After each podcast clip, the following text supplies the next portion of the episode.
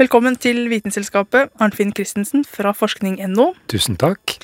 I lange tider så har vi mennesker eh, utforsket det største rommet vi vel kjenner til, altså verdensrommet. Når var det vi først begynte å fatte interesse for verdensrommet? Det tror jeg var omtrent på samme tid som vi ble mennesker, for eh, du vet du trenger ikke å gå lenger enn til nærmeste solnedgang og ha skyfri himmel, så ser du stjernehimmelen. Og de første sivilisasjoner begynte vel å se matnytten i å kikke ut i verdensrommet, for de så hvordan stjernebildene skiftet med årstiden, og lærte seg hvordan de kunne beregne høsting og såing. og etter hvert som vi nærmet oss moderne tid, så ble det vel de første spirer av religiøse forestillinger som også kom inn i dette her, tror jeg. Og du vet at under middelalderen, da var jo eh, stjernene og den kulen som man da trodde at stjernene var plassert på, det var regnet som den mest perfekte av alle kuler. Så når du så på stjernene, så så du omtrent Gud. Og de første astronomene prøvde jo da også å beregne planetbanene som perfekte sirkler, for de tenkte at alt som hadde med Gud å gjøre, måtte være helt perfekt. Men problemet var bare at planeten gikk noen ganger feil vei, og de slingret og gikk i banene sine. Så etter hvert så oppsto jo den moderne vitenskapen, og da begynte forskerne å se litt mer realistisk på verdensrommet. Men før den eh, moderne vitenskapen, hva brukte de for å, å kikke ut?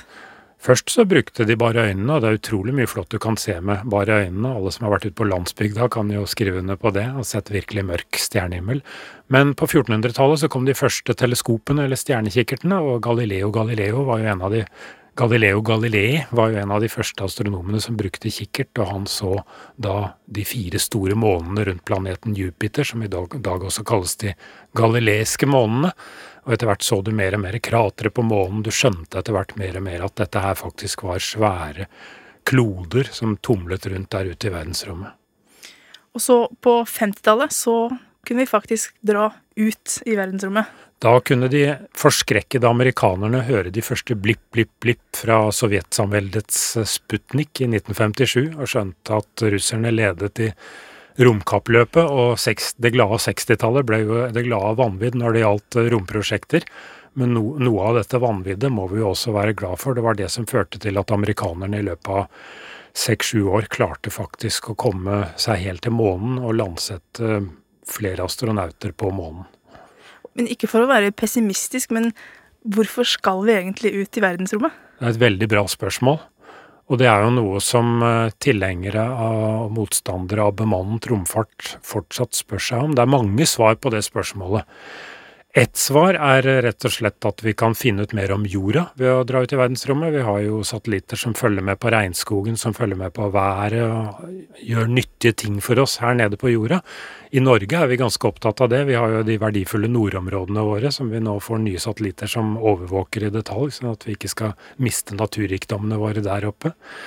Det er den litt kjedelige forklaringen, syns jeg. Eh, en litt mer spennende forklaring er at når vi kommer utenfor atmosfæren, så kan vi lage romteleskoper som ser langt, langt av gårde, og kanskje til og med finner planeter rundt andre stjerner som ligner vår egen jord, hvor det til og med kan være liv. Og der har du jo f.eks. romsonden Kepler, som eh, leter etter sånne planeter og finner stadig mange, mange flere av dem. Men hvor langt unna snakker vi da? Da snakker vi tusener av lysår. Altså et lysår er den avstanden lyset går på ett år, og det er, det er så langt at det å tro at mennesker noensinne skal kunne klare å reise så langt, det er en vanvittig idé som faktisk noen mennesker faktisk fortsatt tror de kan gjennomføre, men jeg vet ikke. En ting er jo de satellittbildene av jorden som kan komme oss til nytte, men, men det er kanskje mer for å hva heter det, å stille interessen da, og å sende ting så himla mm. langt av gårde. For det har vi vel strengt tatt ikke noen nytte av. Å sende de altså sånn eh, sonder og alle Nei. Vi, det er også en Der kan du også gi to svar. Det ene svaret, som er kanskje litt søkt på kort sikt, men bedre på lang sikt, det er at uh, der ute i verdensrommet er det faktisk verdifulle mineraler. Vi kan drive gruvedrift i verdensrommet, f.eks. på månen, eller på asteroider, altså sånne småkloder som tumler i et belte mellom planetene Mars og Jupiter. Det er det noen som fantaserer om, og det er ikke helt urealistisk, men det blir neppe noe som noen kommer til å investere i, i overmorgen, for å si det sånn.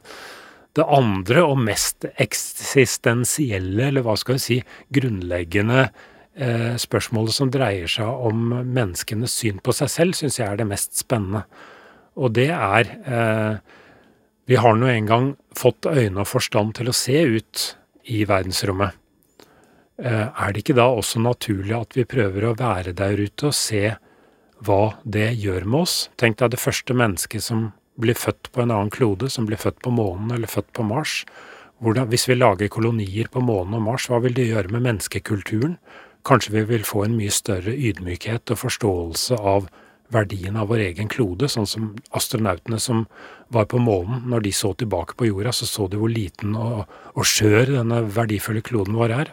Altså Sånne ting kan skje med oss som gjør at vi mister noe av det hovmodet som du noen gang lurer på om er menneskenes eh, mare, når du ser hvordan vi slår hverandre i hodet med stadig mer avanserte våpen her nede. Sånne ting syns jeg er det mest spennende med verdensrommet. Det var en sånn flott en etisk nesten uh, refleksjon på slutt. Ja, ja, ja.